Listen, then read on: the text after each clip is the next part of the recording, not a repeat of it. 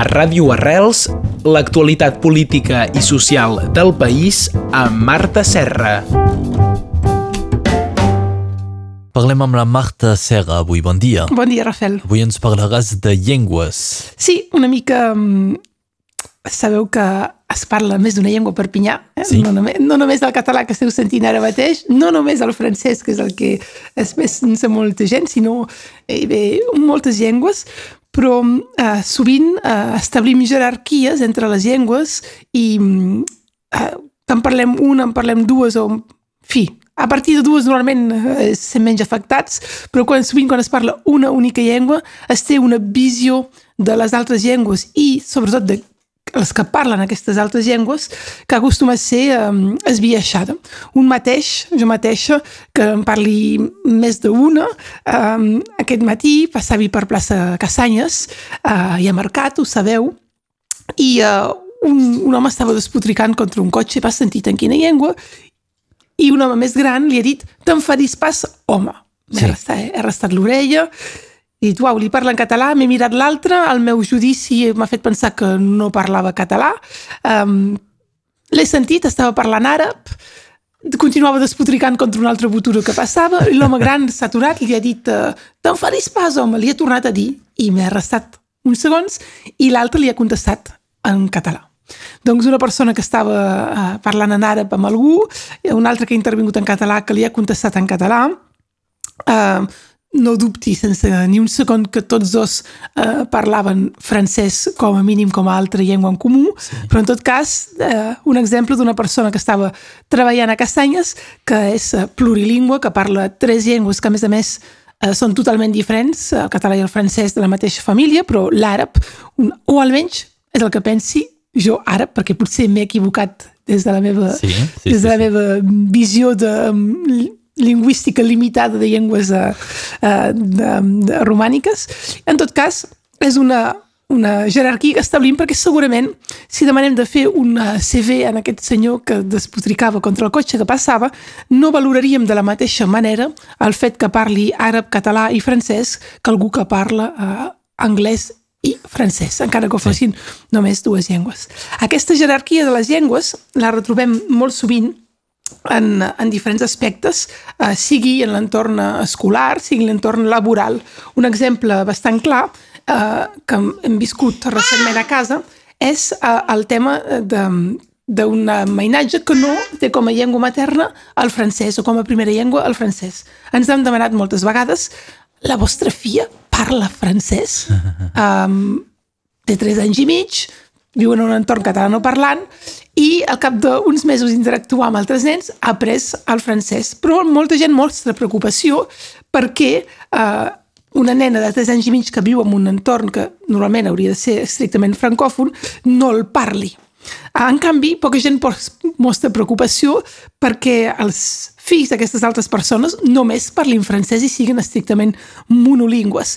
Uh, això demostra que realment hi ha una jerarquia entre llengües que fa que en parlar francès i aprendre una altra llengua és magnífic i absolutament genial, perquè és una obertura d'esprit, i en canvi parlar català i aprendre el francès una mica més tard és eh, una mica de ser l'esperit tancat i voler tancar la seva criatura eh, en un món. Aquest exemple de, de Cassanyes, o el que he viscut jo, el trobem en molts àmbits, en l'àmbit de, de l'ensenyament uh, clàssic, diguem, uh, o estatal francès, és molt freqüent uh, denigrar el, el fet de parlar una altra llengua, sobretot si, per exemple, és l'àrab, i veure-ho com un atac. L'alumne diu una paraula en àrab, segur que vol dir algun insult, segur que vol dir alguna cosa que um, és contrari al professor i a la institució, com si parléssim una altra llengua en general per emprenyar. Això és un fet molt clàssic també. Parli català, em trobi amb algú que parla català, parlem en català, tot i que hi ha gent que parla francès, i la mirada inquisidora és esteu dient alguna cosa mm, perquè no us entenguem. Com si realment, en general, eh, es fes per emprenyar i no per comunicar amb la llengua que és més còmoda per les dues persones que estan comunicant o perquè simplement és la llengua en la qual eh, s'han conegut. Doncs això eh, genera unes situacions molt surrealistes en les quals eh, les jerarquies lingüístiques també van associades a les jerar- jerarquies culturals o migratòries. Algú que parla, direm, francès i americà, o per no dir anglès, o francès i japonès, per parlar dels grans pols, diguem-ne, sí. uh, de riquesa del món, eh? Estats Units, Japó, Europa, serà vist com una cosa positiva. Oh, quina sort que té, que parla uh, anglès i francès, o francès i japonès, o francès i xinès, fins i tot potser actualment. En canvi, algú que parli uh, uh, kabila i uh, francès i català, um, o fins i tot kabila, francès, català i àrab, que són quatre llengües de famílies molt diferents, i parlo d'alumnes que, parlen aquestes llengües, serà vist com un migrant que, pobre, tot just s'integra amb, amb dificultats. Això cal afegir els prejudicis que tenim tots uh, fa poc temps, en un laboratori d'anàlisis. Um, estàvem fent cua per recuperar uns anàlisis i un senyor gran mm, no sabia expressar-se en francès. La dona del laboratori um, veient la vestimenta del senyor gran i la seva cara, va deduir que parlava àrab, sense dir-ho. I va interpel·lar una altra noia, amb vel, deduint que com que portava vel també parlava àrab. Sí. La noia amb vel li va contestar a la dona, sense saber el que parlava l'home, li va contestar a la dona del laboratori d'anàlisis no, no, és que jo no parlo la mateixa llengua que aquest senyor. Va haver un moment de dubte i finalment els prejudicis de tots uns i altres va acabar resultant que la noia i el senyor gran parlaven la mateixa llengua, que no era àrab, i que vaig deduir amb la meva orella poc fina que era uh, Kabila. I es va acabar en generar conversa. Evidentment, cap de nosaltres ens podíem imaginar que dues persones d'una llengua subalterna, que és una llengua sense estat molt poc reconeguda, com és el Kabila, acabessin trobant-se fent la traducció amb, una, amb una, un laboratori d'anàlisis com era uh, en, en aquell moment. Això no vol dir perquè siguin llengües subalternes que no siguin més eh, importants, més riques, eh, més, eh, eh, que portin tant com les altres llengües. Segurament, si vols viatjar a l'internacional, doncs l'anglès et serà més útil per anar a qualsevol país. Sí. Però sense cap mena de dubte, per eh, conèixer eh, les arrels les pràctiques, eh, la cultura d'un altre, el millor és conèixer eh, la seva llengua i la seva forma eh, d'expressar-se.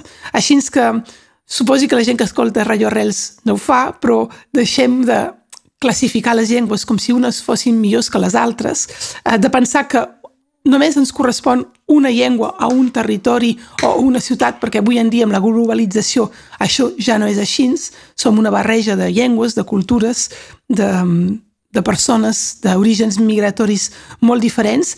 I el català en una ciutat com Perpinyà per sort o per desgràcia, ja no està a la jerarquia alta de les llengües que dominen, sinó que comparteix espai amb moltes llengües d'origen eh, migratori que són infravalorades com la nostra. Mm. No sé si ho fan o no els oients de Radio Arrels, però sovint els catalans som els primers a denigrar la nostra pròpia llengua, eh? en considerar-la inferior a algunes altres. Exacte, i passar-nos a parlar una altra llengua quan, uh, quan l'altre no sap, no? Això és una mm -hmm. cosa molt típica. Tampoc és dolent, parlar una altra llengua si la sabem parlar, però fer-ho perquè ens pensem que la nostra és, eh, és menys important, això acaba creant situacions molt surrealistes en les quals dues persones que parlen català no s'han parlat mai en català perquè no saben que parlen català. Exacte. I quan arriba un tercer intervinent o senten algú parlar rajorels, diuen, aquell que parla rajorels d'aquest tema parla català. Doncs sí, doncs sí. I, uh, i cal perdre les pors perquè només parlant una llengua uh, es practica i se li dona sentit i um, això afegeix també a un tema molt important que és el tema de l'utilitat de les llengües. Les llengües serveixen quan són útils per comunicar. Si no, si no les fem servir per comunicar, són només llengües d'escola.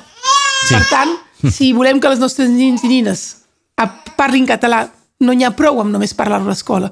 L'han de sentir a altres llocs, perquè és donar un valor a la llengua i reposar-la dins una jerarquia de les llengües útils. Sí. I veiem que la teva filla té ganes eh, de parlar i, i té ja ganes de parlar, no, no encara la no sap. I com podeu veure, no parlen ni català, ni francès, ni res. Això és una altra cosa que és, que és molt interessant, una reflexió molt interessant sobre...